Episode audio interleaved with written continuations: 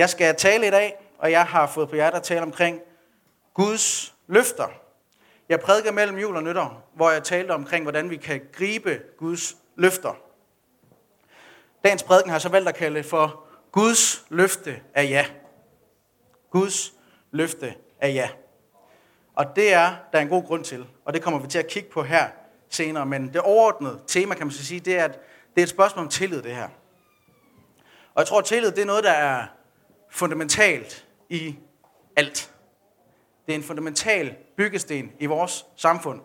Når vi har en velfærdsstat, og vi betaler sindssygt mange penge til, øh, til staten, til skat, så er det fordi, vi har tillid til, at det bliver forvaltet på en ordentlig måde, så det tager sig af nogle andre, som har brug for det. For det skaber et mere lige og et mere færre samfund. Det er et spørgsmål om tillid. Tillid det er også øh, fundamentalt i et demokrati, hvor man faktisk har tillid til, at man, dem, man stemmer på, de rent faktisk vil repræsentere ens interesser. Det er også en enorm stor tillid til jer, der forældre, når I hver dag I sparker jeres børn ud af døren og smider dem ned på nogle institutioner og giver dem i hænderne af nogle pædagoger eller nogle lærere. Det er et spørgsmål om tillid. Og hvis der ikke var tillid, så tror jeg, vi, vi alle sammen købte nogle våben, og så sad vi derhjemme og byggede nogle forts. der, der er nogen, der har nogle våben, ikke også? Jeg, jeg har ikke så mange endnu. Tillid det er også en af de vigtigste eller byggesten i venskaber. Hvis jeg ikke stoler på dig, så er du ikke min ven ret længe. Eller hvis du bryder min tillid x antal gange, så kan du godt være, jeg fandt på at være venner med nogle andre end lige præcis dig. Hvis jeg nu bryder min kones tillid, så kan det også være, at hun ikke har lyst til at være min kone. hun er her så heldigvis ikke i dag, så det, det behøver hun ikke svare på. Tillid det er også noget, der er vigtigt i, i lederskab. Man skal have tillid til ens leder, eller så gør man jo ikke, hvad lederen siger, eller man har egentlig ikke tillid til, at lederen har ens bedste for øje. Men tillid, det er sådan lidt, lidt fluffy. Altså, det er jo ikke sådan noget, man videnskabeligt kunne gå ind og bevise, at Silas han har tillid til mig. Det, det, kan vi, det kan vi efterprøve i et laboratorium. Han har altså, på tillidsskalaen, der bonger han fuldstændig ud, og det, det gør du ikke også, Silas. Det er godt. Tillid, det er noget, man optjener eller fortjener. Og det skabes ved sammenhængen mellem ord og handling. Eller sammenhæng mellem levet liv og værdier. Okay? Tillid det skabes ved sammenhæng mellem ord og handling, eller sammenhæng mellem levet liv og værdier. Så tror jeg, at vi over tid kan være med til at skabe tillid, selvom det tager tid. Men i alle vores relationer, der forvalter vi folks tillid. I mødet med andre, der opbygger vi eller vi nedbryder tillid. Nu læser jeg teologi i, på Aarhus Universitet, og Løstrup han var professor i etik der, så jeg er forpligtet på at sige noget om Løstrup en gang imellem, så bliver jeg smidt ud af studiet. Nej, det var for sjov. Men han sagde noget rigtig godt omkring det her. Han sagde, at den enkelte har aldrig med et andet menneske at gøre, uden at han holder noget af dets menneske liv i sin hånd. Det kan være meget let en forbigående stemning, en oplagthed, man får til at visne, eller som man vækker. En lede, som man uddøber eller hæver. Så vi har aldrig med andre mennesker at gøre, uden vi holder en eller anden grad af deres liv. Der er nogle sygeplejersker, der nikker. Det er godt. Han har meget brugt af sygeplejersker Løstrup. Men når vi har med andre mennesker at gøre, så holder vi en eller anden grad af deres liv i deres hånd. Og det kan vi forvalte på en god eller på en dårlig måde. Det kan være i store ting. Det kan være, at man har fået en ring på fingeren og skal forvalte en enorm tillid. Det kan være, at man har fået givet et barn i armene og skal forvalte den enorme tillid, som ens barn forhåbentlig har til en. Det kan også være små ting. En, der prøver at komme i kontakt med dig. En, der rækker ud efter dig. Og det behøver ikke, det behøver ikke være, at du råber dem ud af lokalet. Det kan også bare være, at du er sådan lidt ligeglad. Eller lidt afvisende. Det behøver ikke være den der åbenlyse fjendtlighed. Ligegyldighed, den kan også nedbryde tillid, når vi ikke oplever at blive modtaget af den anden.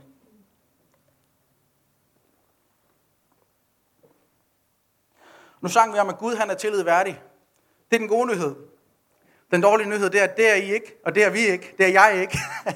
der er ingen, der er fuldkommen tillid værdig. Det skulle så lige være min kone, men nu er hun her ikke. Der er ingen, der 100% forvalter den tillid, de har ret. I hvert fald ikke hver gang.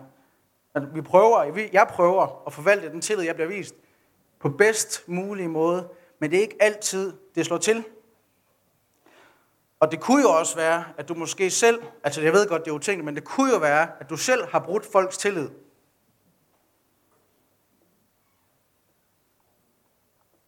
Og jeg skal nok lade være med at give en masse eksempler frem med et eget liv om hvem der har svigtet mig, så de kan komme på en liste, og så jeg kan begynde at ringe på deres døre og ringe dem til dem midt om natten. Det skal jeg nok lade være med. Men for eksempel, hvis du har børn, hvis du ignorerer dit barn, når barnet prøver at komme i kontakt med dig, eller hvis du tyser det ned, hvis du snapper af din ægtefælle, hvis du bryder en eller anden fortrolighed, der er blevet dig vist, så nedbryder du tillid. Og det har jeg også gjort, det har jeg gjort en masse. Det kan fx være ved ligegyldighed, eller måske nogle gange ved at reagere lidt hårdt på nogle mennesker, som egentlig føler, at de inviterede mig ind i en fortrolighed. Det her med tillidsbrud, det ligger til mennesket. Punktum. Det var den første synd. Det var det første menneske, det gjorde forkert over for Gud. Det var at bryde hans tillid. Ikke at gøre, som han sagde. Han havde givet dem en have og en masse frugter og en masse dyr. Det var jo helt fantastisk. Og givet dem en stor tillid. Han havde vist dem en enorm tillid.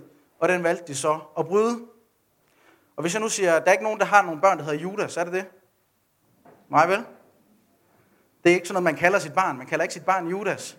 Fordi Judas, han brød Jesu tillid. Så det var den første synd i begyndelsen i haven, og så var det også den synd, eller den, det, det, der blev begået med Jesus, der fik ham hængt op på korset.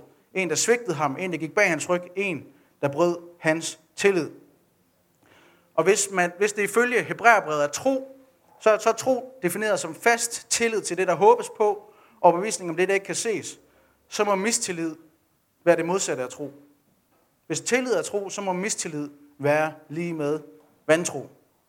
Så når vi viser mistillid til Gud, og viser mistillid til hinanden, så er det egentlig et udtryk for, at vi ikke tror, at vi udfordrer det i sådan et trosfyldt fællesskab, som det her det nu er. Eller har vi tillid? Har vi tro til Gud, til hinanden, til vores ledere, til dem, der tjener forskellige steder her i byen? Som sagt, så er vi desværre ikke værdige til at have fuldkommen tillid til. Og hvis du tror, at du er bulletproof, hvis du tror, at du, du er så fast forankret, at det ikke kan ske mod dig, så tager du fejl. Under nok pres, eller under bestemte fristelser, så tror jeg, at alle mennesker, de kan knække. Jeg tror, der er nogle regler, jeg skal have i mit liv, som jeg bliver nødt til at holde mig til. En sti, jeg skal holde mig til. Eller så vil jeg komme ud i nogle omstændigheder, hvor jeg godt kunne knække midt over. Hvor jeg vil bryde nogens tillid. Så hvis du ikke, hvis du ikke tror, du kan bryde nogens tillid, så prøv at, komme, prøv at få nok magt. Prøv at få nok penge. Prøv at være lækker nok. prøv at få muligheden. Prøv at få det pres, der er på dig. Prøv at være kendt. Så kunne jeg forestille mig, at man ret nemt knækkede, og man brød tilliden. Og det her, det her med, at vi ikke kan have fuldstændig tillid til hinanden, det generer mig faktisk rigtig, rigtig meget. For jeg har venner, jeg har en kone, nu er også præst i menighed, og jeg ønsker gensidig tillid i mine relationer. Ønsker ikke også tillid i jeres relationer? Og jeg ønsker sådan set også, og prøver også for alt, hvad jeg nu kan, at det jeg lover, og det jeg ønsker, det er også det, jeg gør. Men mennesker, de er tvetydige, og vi kan, ikke engang, vi kan ikke gennemskue hinanden, vi kan ikke altid gennemskue hinandens motiver. Vi kan nogle gange heller ikke helt gennemskue os selv. Silas han startede med at snakke om det, at hvorfor er det, jeg gør det, jeg gør? Jeg håber, det er på grund af gode motiver, men det kunne også være, fordi jeg vil blive kigget på af jer. Det kunne også være, fordi at samfundet siger, at jeg skal blive til et eller andet. Hvad er vores motiver? Vi kan ikke gennemskue vores egne eller andres motiver. Og det bringer mig til dagens tekst. Jeg vil gerne give lidt kontekst, for at I kan forstå det her forløb, som vi springer ind midt i. Har I hørt om Paulus? Paulus han var en mand, som han var egentlig ret sej. Da jeg var ny kristen, der synes jeg nok egentlig, han var sådan lidt, lidt supermanagtigt. Han bliver banket af en hest af Jesus. Det, det må nok være vildt nok at blive taklet og smidt af en hest. Og så fik han en tæt relation med Jesus. Han fik lov til at se ham, og han fik en verdensforandrende opgave. Han skulle simpelthen sprede evangeliet til hele den kendte verden. Og han lykkedes faktisk i det. Han får plantet kirker i hele den daværende verden. Så det er ret sejt. Det kunne jeg nok ikke gøre. Det er der nok ikke ret mange her, der kunne gøre. Så jeg synes, at han, var, han, han er sådan ret meget, han har sådan lidt superheltestatus i min bog, Paulus. Han var meget imponerende. Men alligevel, så kommer han også nogle gange i beknep. Især med det her spørgsmål omkring tillid. Eller i hvert fald tvetydighed. I hvert fald i forhold til en menighed. Og det er menigheden i Korinth. Og menigheden det, i Korinth, det var en menighed, der var tumult. Der var magtkampe. Der var klikker. Der var nogen, der ikke kunne lide Paulus. Nogen, der ville have, han skulle blande sig fuldstændig ud om, hvad der skete der. Der var selv, selviskhed. Der var hensynsløshed. Og der var oprørskhed. Og det ved jeg godt, at det er fremmedord for jer. Det kender vi slet ikke til i den her menighed. Men prøv nu at forestille jer det. Og Paulus han havde haft et besøg til den her menighed. Han havde skrevet nogle breve. Og det ændrede sig ikke rigtigt. Konflikten den blev uløst. Den forblev uløst. Og så lover han på et tidspunkt, at han, skal, han kommer i hvert fald igen, for nu, nu skal vi have ruttet op i det her. Men han aflyser så, og i stedet for skriver han et brev, og det er så det brev, som vi ikke har, men det hedder Torbrevet, hvor han muligvis er både rasende på menigheden over, at de, det nu ikke er løst, at, at problemerne ikke er løst, men han er måske også ked af det. Han er faktisk ked af det. Han elsker de her mennesker. Og af hensyn til dem, så skriver han et brev. Fordi han, jeg tror, at han frygter, at den direkte konfrontation, den kan få det hele til at eksplodere. Og så gør det dem alle sammen ked af det. Faktisk efter den passage der, som jeg skal kigge på, så står han, at hvis jeg nu kom, så tror jeg, at hvem skulle så kunne, hvis, hvis I nu gjorde mig ked af det, hvem skulle så kunne trøste mig? Så jeg tror, han var bange for, at situationen ville eksplodere. Men faktum er, uanset hvad Paulus' motiver var, så havde han givet et løfte om at komme, som han ikke holdte. Og det skabte rygter om, at Paulus han var tvetydig. Han siger det ene, og så siger han det andet. Du kan ikke stole på Paulus. På gammeldansk, der står der, at, han var, at de troede, han var valsindet. Han havde et, et sind, der vaklede, ikke også? Det, jeg synes, det er et fantastisk ord. Måske tænkte de også, at han var en kujon. Du sagde, du ville komme, og så skulle vi forløse det her. Nu skriver du et brev. Kender du det der, hvor du måske har et udstående med nogen, og så får du sådan en face besked på Facebook. Nej. Jeg, jeg gør, jeg gør, jeg har prøvet det der. Jeg tror, det er sådan forkynder og sådan noget. De, de kan godt få nogle mails, hvis folk de er utilfredse. Det kan også være, at du har en ven, og I siger, at vi skal også finde ud af noget. Hej, der er nogle, der er nogle kvinder her til stede, og I har måske den der veninde, når I ser hende på gaden. Ah, vi skal også, vi finder ud af noget. Ja, vi finder ud af noget. I finder aldrig nogensinde ud af noget. Der var nogen, der kendte den der. Og det, det kan måske godt være, at man er sådan lidt skuffet efter det. Skuffet over nogle personer, ikke holder, hvad de lover. Skuffet over, at man skulle få det på brev, på sms, i stedet for at man tog det ansigt til ansigt. Nu skal vi se på, hvad Paulus han så skriver til sit forsvar. Han er travlt med at forsvare sig her, hvor vi springer ind. Vi springer ind i 2. Korintherbrev, kapitel 1, fra vers 12 af. Der siger han sådan her, jeg læser fra Bibelen på hverdagsdansk, undtagelsesvis. Jeg synes, den er rigtig god lige her. Vi kan med god samvittighed sige, ved du, jeg læser lige det hele, så tager jeg det i min bibel her, fordi det er lidt i brudstykker i min, øh, på min iPad. Det er bedre, at I ser, at jeg faktisk bruger min bibel en gang imellem. Og vi har det også med deroppe, så I kan følge lidt med. Nu læser jeg det hele, og så går vi det igennem. Vi kan med god samvittighed sige, at vores handlemåde i almindelighed, og især over for jer, ved Guds hjælp, har været uangribelig og redelig. Det skyldes ikke værtslig visdom, men Guds nåde. Derfor er jeg også åben og oprigtig over for jer i mine breve.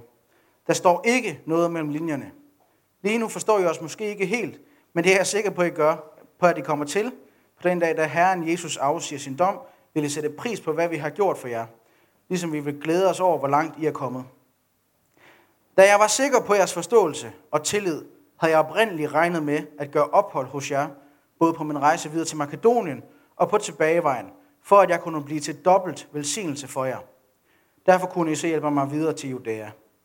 Når jeg ikke fulgte min plan, betyder det så, at jeg ikke er til at stole på? Er jeg måske som de mennesker, der siger ja, selvom de mener nej? Slet ikke. Jeg mener, hvad jeg siger, og Gud er trofast. Han vil hjælpe mig til at opfylde mit løfte om at besøge jer. Jesus Kristus, Guds søn, som Timotheus Silvanus og jeg har forkyndt for jer, sagde jo heller ikke ja til noget uden at gøre det. Og gennem Jesus har Gud sagt sit ja til verden, for alt hvad Gud har lovet bliver opfyldt gennem Jesus. Derfor har vi også sagt ja til Gud, og nu lever vi til hans ære. Det er jo ham, der har udrustet os med sin ånd, og det er ham, der arbejder på et grundfaste både jer og os i Kristus. Han har givet os helligånden i vores hjerter, som et forsmag på den herlighed, der venter os, og som et tegn på, at vi tilhører ham. Jeg bedyrer højt og heldigt og med Gud som vidne, at det var for at skåne jer, at jeg ikke besøgte jer på det planlagte tidspunkt. Vi er jo ikke herre over jeres tro, men medarbejdere på jeres glæde. Det viste sig jo også, at I stod fast i troen. Så det første, han ligesom griber fat i her i vers 12, det er, at han kan med god samvittighed sige, at hans handlemåde, især over for den her menighed, har været uangribelig og redelig. Så Paulus motiv og praksis, synes han i hvert fald selv, at den har været oprigtig. Der er ikke noget, han har sit på det rene. Han har sit på det rene, det har han ved Guds nåde. Ikke på grund af, at han er bedre end dem, eller fordi han er verdens, verdensmanden, der planter menigheder i hele verden, men han har sit på det rene på grund af Guds nåde, på grund af Guds virke i sit liv. Gud, der gennemskuer hans motiver forhåbentlig, forhåbentlig. Og på grund af, at han måske er ydmyg. Jeg håber, det også er ydmyghed, der gør, at han siger, at han i hvert fald har sit på det rene. Og jeg kan bare, jeg kan bare godt nogle gange tænke, når vi har konflikter, har, har vi så vores på det rene? Er der nogen her, der bare godt kan lide en god diskussion? Jeg kan godt nogle gange lide en god diskussion. I hvert fald især, da jeg var teenager og boede hjemme, så skete der det mindste et eller andet. Så var der gang i gaden. Der er også nogle teenager her, der, der fniser. Men har vi rene motiver, når vi går ind i en konflikt? Eller er det måske mere stoltheden, der er styrende for vores konflikter? Er det måske fordi vi tænker, det kan godt være, at jeg ikke helt har mit på det rene, men det har den der person i hvert fald heller ikke. Og jeg er da i hvert fald også bedre, så de skal bare ned med nakken. Nogle, der har nogle gode venner her. Nogle gode ægtefælder. Teenager. Jeg tænker bare, må vi bare bede om Guds hjælp i vores liv til at gennemskue vores motiver, så vi kan sige som Paulus, at jeg har i hvert fald mit på det rene. Over for jer har jeg været uangribelig. Tit er det jo ens egen skyld, hvis folk ikke har tillid til en, men der kan jo også være situationer, hvor der faktisk er nogen, der, der ikke kan lide dig. Der var nogen i den her menighed, som ikke holdt med Paulus. De ville gerne have, at han skulle være uden for indflydelse. Han skulle blande sig udenom. Det kunne jo godt være, at rygterne, bagtagelsen, de kom fra dem. Så fortsætter han sådan her. Derfor er jeg også åben, det er vers 13, og oprigtig over for jer i mine breve. Der står ikke noget mellem linjerne. Lige nu forstår jeg måske bare ikke helt, men det er jeg sikker på, at de kommer til. Så Paulus han har skrevet et brev, tårbrevet her, som er blevet misforstået. Så på trods af, at han synes, at han har et godt hjerte, gode motiver, god adfærd, så han alligevel blevet misforstået. De tror, at der er noget, som, som han siger, som han egentlig ikke siger, men det mener han. Det kan godt være, at han siger det på den her måde, men måden, han siger det på, eller måden, han skriver det på, det antyder, at der er altså noget andet på spil. Det siger Paulus, det er der ikke. Og Paulus, han laver, jeg synes egentlig, Paulus han laver en fejl her. Han tager konflikten på Facebook. Han tager, han tager konflikten på Facebook. Han skrev noget, og lige meget hvor godt du skriver det, og hvor, hvor rigtigt det er, du, det du skriver, så kan og vil det altid blive misforstået på Facebook. Især hvis der sidder nogle mennesker i den her menighed, som ikke har ham, som egentlig ikke ønsker ham det bedste, så bliver det, han skriver, misforstået. Så jeg håber måske, vi kan lære af Paulus at håndtere situationer med konfliktpotentiale ansigt til ansigt. Jeg tror, komplicerede situationer de skal løses ansigt til ansigt, selvom at der er fare for, at det kan eksplodere. Og når Paulus blev væk, så var det faktisk, han var ikke en kujon. Han turde godt, han, havde, han har banket mange folk på plads. Han bankede apostlen Peter på plads, som nok egentlig var hans chef. Det turde han godt. Men på grund af, at han var bange for at såre mennesker, han var bange for selv at blive såret, han var bange for, at det, det kunne eksplodere, så holdt han fingrene væk, og det gik galt for ham. Så siger han så noget, som jeg ved ikke, hvor dansk det så er. Så siger han, på den dag, i vers 14, på den dag, da Herren Jesus afsiger sin dom, vil I sætte pris på, hvad vi har gjort for jer, ligesom vi vil glæde os over, hvor langt jeg er kommet. Så han siger, en eller anden dag, så får jeg ret. Det bliver så, når Jesus han kommer igen, og jeg står foran øh, dom, domsædet, og jeg bliver sat, der, der finder I ud af, at jeg har ret. Når jeg bliver dømt for det, som jeg har undervist jer, når jeg bliver dømt for at gå imod mig, så ved I, at jeg har ret. Og tænkte, det var måske, har I prøvet at have sådan nogle diskussioner? Jeg, jeg har engang været på, på gaden og, og bedt for mennesker og sådan noget, og så, så stod jeg og diskuterede med, med en muslim, og han snakkede om, at Jesus kom igen. Jamen, det, det var jeg også med på, og så videre. Og så sagde han til mig, ja, vi får jo se, hvem der har ret, når Jesus kommer igen. Ja, det gør vi i hvert fald. det er sådan måske lidt det, Paulus han har gang i her. Men jeg tror alligevel, han har egentlig et okay hjerte i det. Han har egentlig et okay hjerte i det. Fordi han siger, at vi vil glæde os over, hvor langt de er kommet. Det glæder egentlig Paulus, når de får sandheden Det handler ikke om at tryne dem, så vidt som jeg kan læse om. Så når du er i en konflikt, så vær, vær lige sikker på, at du rent faktisk har de andres bedste for øje. Har du deres interesse for øje, eller handler det om stolthed frem for kærlighed? Jeg kan godt mærke, at, øh, at jeg er stille i dag. det er ikke sådan en amen-prædiken, var. Går han videre i vers 15 og 16. Tag lige noget vand.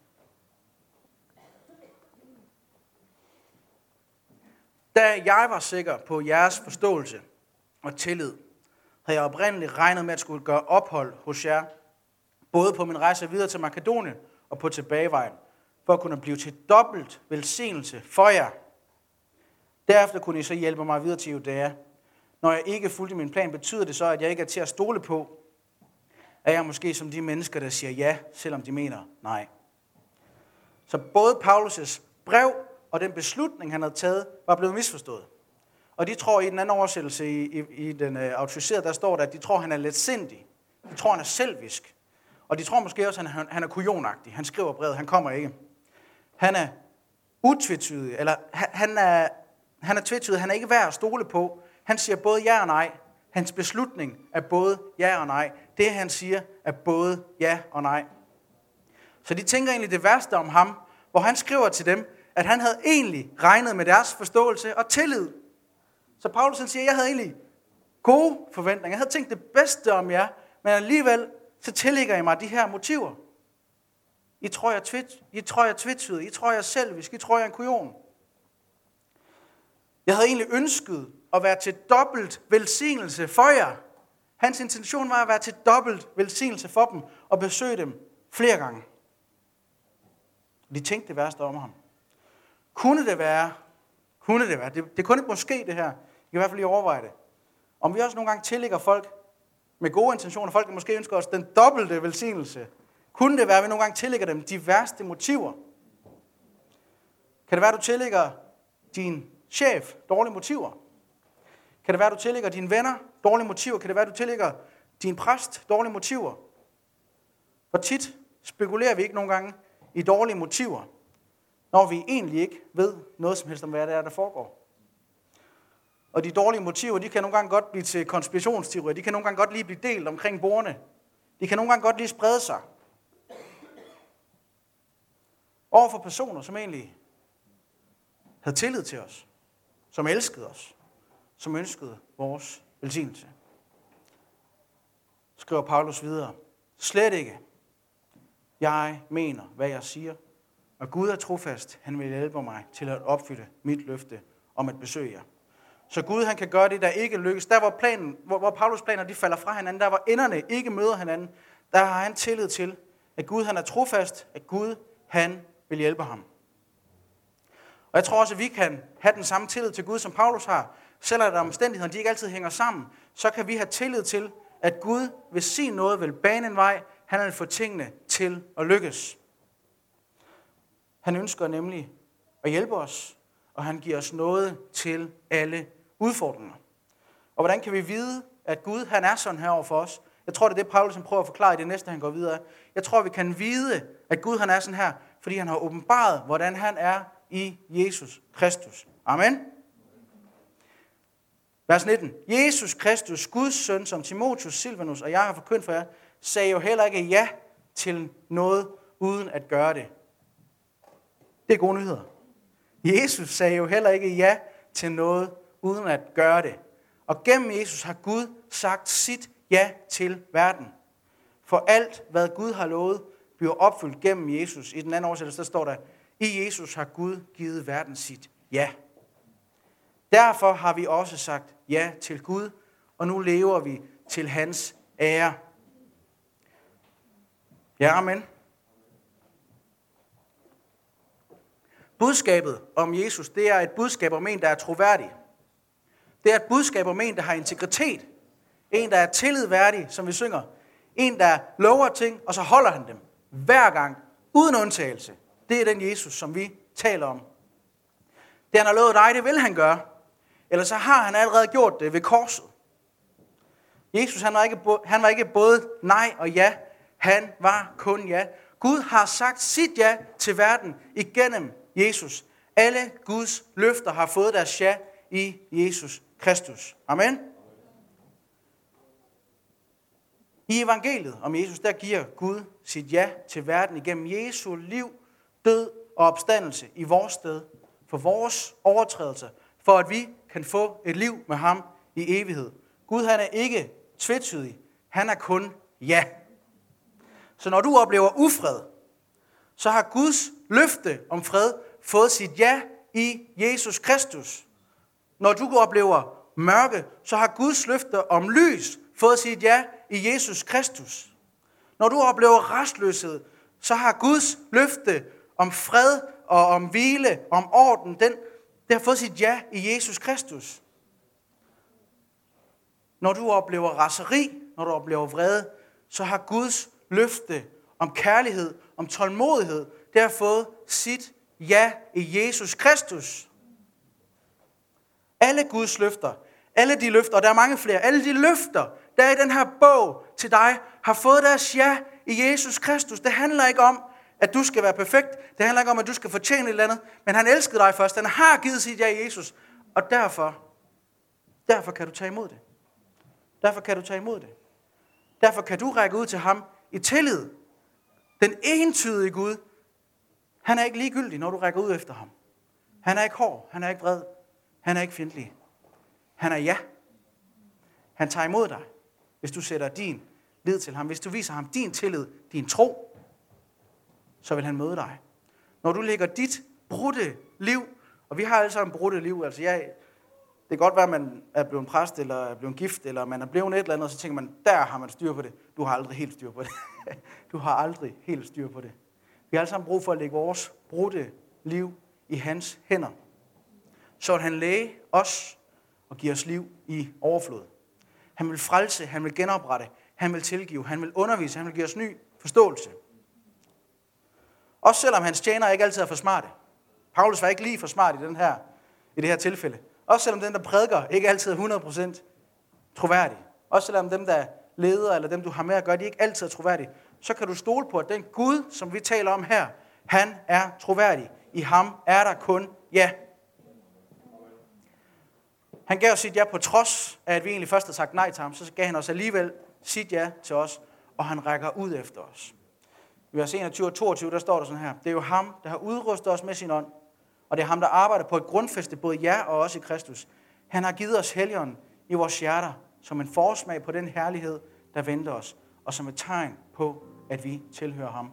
Så hvis vi giver ham vores ja, viser ham vores tillid, vores tro, så vil han give os sin ånd, som grundfæster os i Kristus, og udruster os til at leve et troværdigt og sandfærdigt liv, ligesom Jesus gjorde det. Og når Paulus han siger, så vidt jeg ved, så er der ikke noget utvetydigt ved mig. Kan vi få den samme frimodighed ved hans ånd? Det tror jeg, det kan lade sig gøre. Det er ved Guds nåde. Det er ved hans ånd. Det er hans arbejde i os, at vi kan blive som Jesus. Der ikke både er ja og nej, men kun er ja. Så hvis vi er gode, ærlige og skønne, så skyldes det Guds værk hans ånd og hans nåde i vores liv. Og når vi lever ud fra den kærlighed, så tror jeg, det er til hans ære. Så lever vi til Guds ære. Vers 23-24. Jeg bedyrer højt og helligt, og med Gud som vidne, at det var for at skåne jer, at jeg ikke besøgte jer på det planlagte tidspunkt. Vi er jo ikke herre over jeres tro, men medarbejdere på jeres glæde. Det viste sig jo også, at de stod fast i troen.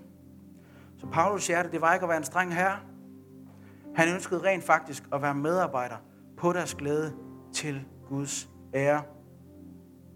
Og kan vi ikke, uanset om du har for første gang, eller om du har været her mange gange, kan det ikke være et mål for os alle sammen at være medarbejdere på hinandens glæde, i stedet for at mistænkeliggøre hinanden, i stedet for at tillægge dårlige motiver, i stedet for at spekulere i ting, vi ikke ved noget om.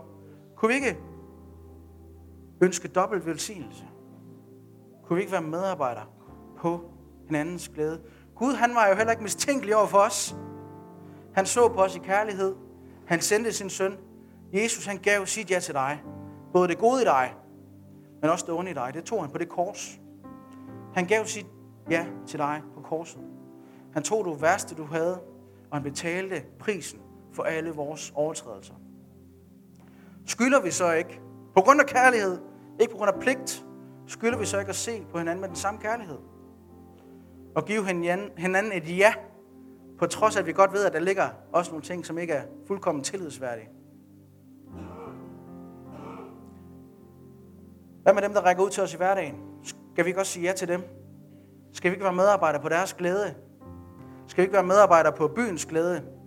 Dem, der, dem du måske ikke kender, dem der er fremmede for dig, dem du møder på din arbejdsplads, dem du møder på dit studie, skal vi ikke også tage imod dem uforbeholdt med et ja, tillidsfuldt?